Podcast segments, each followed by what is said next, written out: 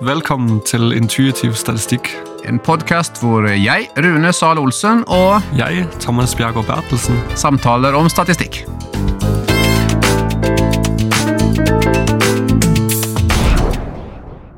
I denne episoden skal vi snakke om regresjon. Det er fordi vi ønsker å vite årsakssammenhenger. Altså hva skal jeg spise, hvor mye bør jeg trene, osv. Regresjon er et generelt prinsipp som undersøker hvordan en eller flere variabler predikerer en annen variabel. Det betyr ikke at det ene fører til det andre nødvendigvis, selv om det kan det.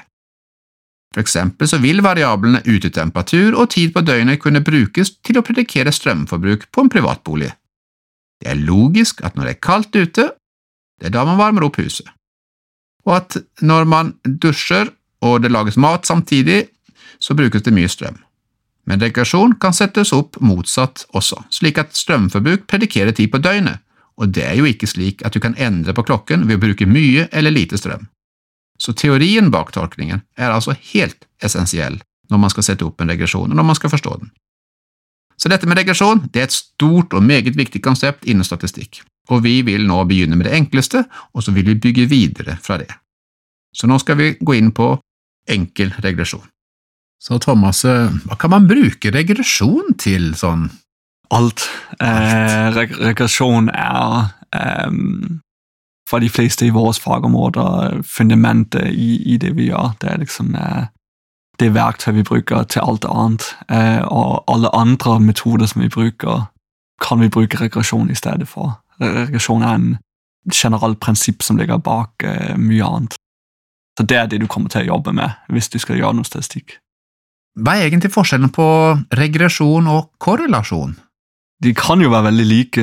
Eh, regresjon er jo et mer generelt prinsipp. Eh, Du kan jo f.eks. ha flere variabler med en regresjon. Du kan ha eh, variabler som er satt forskjellig opp, forskjellige nivåer. Du har, du har litt forskjellige eh, knapper å skru på med regresjon, mens korrelasjon det er jo bare sammenheng, eh, altså hvordan to variabler stiger og faller sammen. Men du kan lage en regresjon så den er lik en korrelasjon. Det kan du. Men da begynte du å snakke om variablene her, og eh, de kan man jo definitivt si at kjært barn har mange navn. Så hvis man leser fagbøker eller fagartikler som omtaler en regresjon, så vil man møte på mange forskjellige begreper for det samme. Variablene omtales gjerne som uavhengige variabler, forklaringsvariabler, prediktorvariabler eller prediktorer, eller rett og slett uavhengige faktorer eller bare faktorer. Vi kommer å bruke begrepet prediktorer som gjennomgående hos oss. Og den variabelen som da predikeres, kalles som regel for da avhengig variabel eller responsvariabel. Og da vil vi bruke det her når vi snakker sammen. Så vi snakker om prediktorer, som er de tingene som predikerer responsvariabelen. Det kan jo virke forvirrende med alle disse begrepene, men eh, er, det står der for at man skal forstå hvor de står i ligningen. Altså hva er det som skal predikere hva. Og også for å hjelpe litt intuisjonen på vei, eh, gjerne så velger du jo at eh, den eh, responsvariabelen, eller den avhengige variabelen, det, det er noe som ikke kan påvirke prediktorvariablene, men som kan påvirkes av.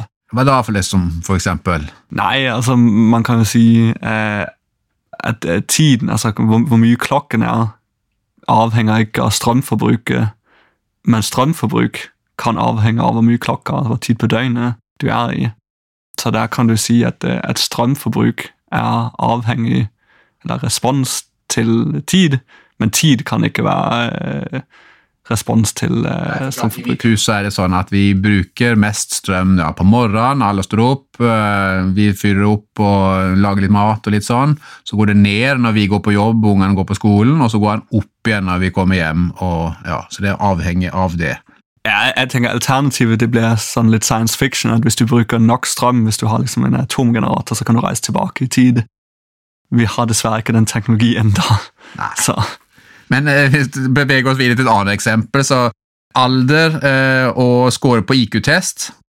Det er vanlig at høyere alder fører til høyere IQ, frem til en viss grense. Mens en lav IQ-score den fører i hvert fall ikke til lav alder. nei, man blir ikke yngre av å drikke mye, eh, kan du si. Men sånn sett så kan man alder være en av prediktorene i en regresjon som skal predikere en IQ-verdi, f.eks. Mm. Så regresjon, da snakker vi også om regresjonslinje, for det er jo egentlig en rett linje som man prøver å legge på data, som vi sier, altså data, altså disse punktene. Så vi skal rett og slett prøve å forklare dette, og begynne med det enkleste. En regresjon med én uavhengig og én avhengig, eller altså én prediktor og én responsvariabel. Vi prøver å få verdien på den ene, altså responsen, ved å se hva den andre er.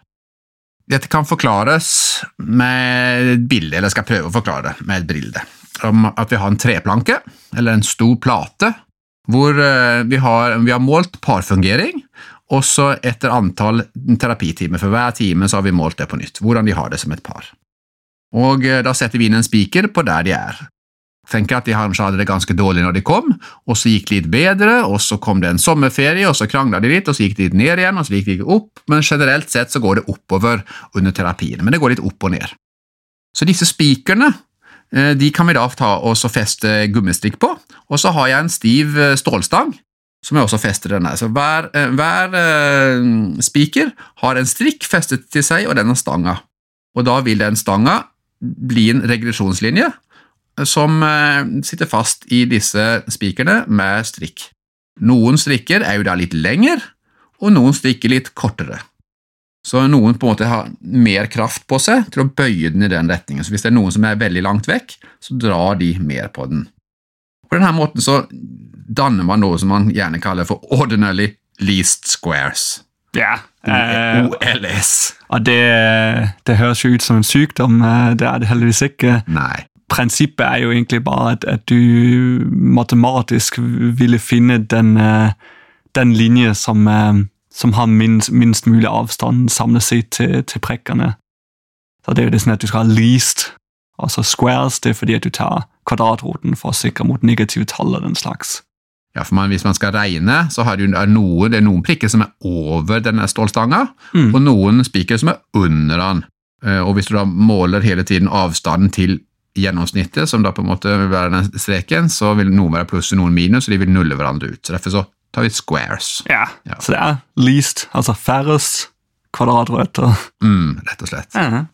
Og alle punktene, eller alle spikene, påvirker denne stanga. Det er ikke sånn at noen bare gjør det, men noen eh, av disse spikene de kommer jo å være helt nøyaktig der denne stanga er, Mm. mens andre er litt lenger ifra. Men på denne måten her så lager man matematisk en sånn regresjon.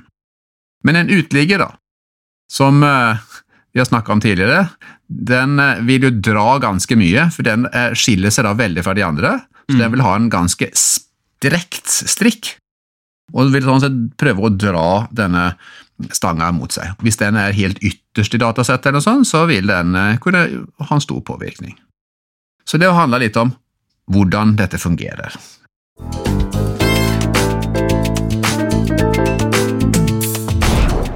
Da har vi snakket litt om hva det er for noe, hvordan kan, dette ser ut, og hvordan vi skal forstå det. Nå skal vi gå inn på forutsetningene for å kjøre en regresjon.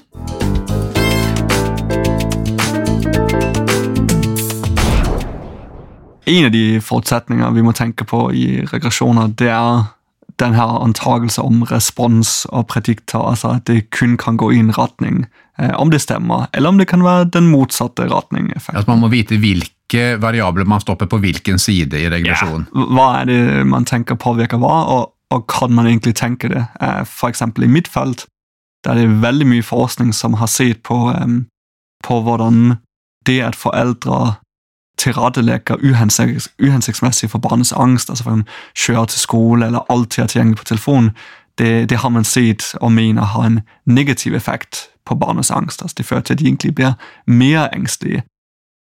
Men i min egen forskning har jeg stilt spørsmålstegn ved, ved den antakelsen og, og tenkt at man kan jo like gjerne snu det om og si at ja, men hvis barn blir mindre engstelige, så føler foreldre jo ikke behov for å legge så mye til rette, og hvis barn blir mer engstelige, så føler foreldre kanskje mer behov for å legge til rette. Så det kan jo gå begge veier. Så der kommer det spørsmålstegn ved om antakelsen at foreldretilpasning fører til angst, stemmer. Man må i hvert fall tenke på Det kan være man har motsatt eh, retning enn man sjøl tror. De andre viktige antakelser eh, og forutsetninger som man må sjekke når man gjør regresjoner, det er om det er den form man ser for seg. Altså, er det en rattstrek, eller skal det være en bøyd kurve, eller er det flere ting som skal tas med? Og, og for å teste de forutsetningene, der må man eh, bruke noe, eller se på noe som heter residuals, som er et eget begrep som eh, ja, kanskje du kan si noe om. Norske ord for residuals er jo da residualer. Og hva er nå det, da? Jo, Hvis du går tilbake og tenker på denne tavla med alle disse spikerne, med målinger for partilfredshet for time 1 og time 2 og time 3, og så har vi jo laga den eh, regresjonen som er den stålstanga. Og Disse strikkene de er i forskjellig lengde, noen var jo rett på stanga, og noen er litt fra, og noen er ganske langt fra. Residualet er rett og slett lengden på disse strikkene, på hver enkelt punkt. Altså noen korte verdier og noen litt lengre verdier. Det tallet er altså en avstand, det er en residual. Og Den skal vi da se hva den kan brukes til. Den kan man jo bruke sjøl, eh, Thomas, til å skrive ut den for å se hvordan de ser ut. På de forskjellige verdiene på X, da, eller på antall terapitimer. Så kan man se om det er likt eller ikke. Altså, grunnen til det er interessant å se på disse residualer, eh, det er jo for å sjekke ut eh, de antagelsene om en rattstrek er rimelig. Man vil jo gjerne se på er det sånn at disse residualene blir større jo lenger ut på, på stanga du kommer. Det vil jo i, i praksis si at, eh, at, jo lenger ut på stanga du kommer, desto mer bommer stangen på, på, begge sider, eller kanskje bare på den ene side. For disse dualer er jo rett og slett et mål på bom. Hvor ja, mye modellen vår bommer på virkeligheten. Og hvis du ser for deg at du har dine datapunkter de ligger i en perfekt eh, U-form, liksom sånn starter lavt, går opp eh, på toppen, og så går ned igjen, ja, En omvendt U, ja. ja der, vil du, eh, der vil du si sant, at residualen vil ligge forskjellig på forskjellige sider. Eh, alt etter hvor det ligger på stangen. Ja, for Hvis du da har en rett stang som står over her, så vil residualene være veldig store i begynnelsen mm. og i slutten, men ikke på midten. Ja, nemlig. Eller, sånn, ja, eller, om, om, eller, et par områder som vil være korte. Et annet eksempel er jo at de treffer veldig godt i begynnelsen og treffer ganske dårlig etter hvert. Så det, det, betyr jo ikke at man ikke skal analysere, det betyr bare at en vanlig lineær altså rattstrek-regresjon er kanskje ikke det, det beste valg her. Nei. Forutsetningene stemmer ikke helt. Når man leser metode- og resultatkapittel i fagartikler, så kan man jo komme over to begrep som beskriver akkurat det som vi her snakker om, Thomas. Det er homoskedastisitet og heteroskedastisitet, som jo da kommer fra gresk, og homoskedastisitet betyr da lik varians eller lik spredning. Og Det sistnevnte, da, heteroskrasitet, betyr da ulik spredning eller ulik varians. Og det er jo altså et begrep som da beskriver residualen, altså modellens bom, på eh, fordeling på en måte på X-aksen. Og det vil man gjerne at de skal være likt fordelt, at det er like store. At det f.eks. ikke er sånn at det er eh, stor bom i begynnelsen, f.eks. de første målingene, men lite mot slutten. Mm. Ja, og så tenker jeg en intuisjon bak det, det er at hvis det er f.eks. stor bom i starten, ja. og du har mindre bom eh, mot slutten, så vil det bety at du har en modell som eh, treffer datapunktene bedre jo senere den kommer ut. Mm. Men også, altså, det betyr jo også indirekte at den treffer ganske dårlig. At du kan ikke bruke den noe i starten. Nei. Så hvordan skal vi egentlig tolke det? Den treffer litt, men ikke noen ganger. Ja. Det er ikke bra. Nei. Så uh, har man noe annet vi tester, mm. og det er jo hvordan uh, modellen passer til data. Altså FIT, model FIT, som for så vidt er et eget stort felt innenfor mm. statistikk. Men uh, hvordan skal man forstå model fit? Model fit er jo ikke, det er ikke en forutsetning, så du kan jo gjerne presentere en, en regresjon der du har veldig lav model fit, eller du har veldig høy. Det er ikke så mye å si for det. Um, men det sier noe om for leseren ja, den her linje som du nå endte opp med, hvor godt passer den egentlig til det data du har, eh, du har samlet inn? Altså Hvis du har en linje som dette var den beste linje du klarer å lage, du har brukt uh, Lee Squares metodikk, det er den beste du klarer, men den ligner egentlig ikke i det hele tatt på det data du har. Der sier det jo noe om ja, det er kanskje ikke noe jeg kan gå, gå rett ut på gata og bruke dette her. Det, man må ha noe mer informasjon om tallet med grann salt. Mens hvis den passer veldig bra. da sier det kanskje ok, dette er en svært bra modell, det stemmer veldig godt overens med det data du har observert. Hvilke mål kan vi ha på det, da? Det mest typiske det er jo det man kaller eh, R-squared, eller R-oppløftet i andre. Og det, det sier noe om hvor mye, hvor mye varians din linje forklarer. Altså hvor, hvor mye av, um, av spredningen i datapunktene kan vi forstå ut fra den linje du har.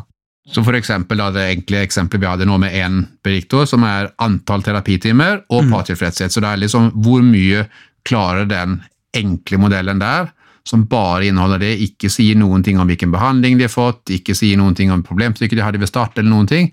Hvor mye klarer den å forklare av bedringen som er hos de? Da er det tid for en eh, liten oppsummering, Thomas. Ja, i dag da har vi jo snakka om eh, enkel regresjon. Mm. Eh, og det er jo på en måte lage en linje som passer best, eller er i nærheten av flest mulig datapunkter. Da har vi snakket om det begrep ordinary least squares. Altså du skal på en måte ja, finne ut av hvordan du kommer nærmest mulig flest punkter. Og regresjon, det, i hvert fall enkel regresjon, det handler jo om det her med at du har en respons, eller en avhengig variabel, og så har du noen predikter, eller uavhengige variabler, mm. som på en måte skal eh, ja, du skal finne ut av hvordan en ting påvirker en annen. Mm. Både du og meg Thomas, jobber som forskere ved Avdeling for barn og unges psykiske helse ved Sørlandet sykehus i Kristiansand. Vi vil gjerne si takk til Sørlandet sykehus og vår kollega Semia Mojcik, som sammen med en pasient lager signaturmelodien.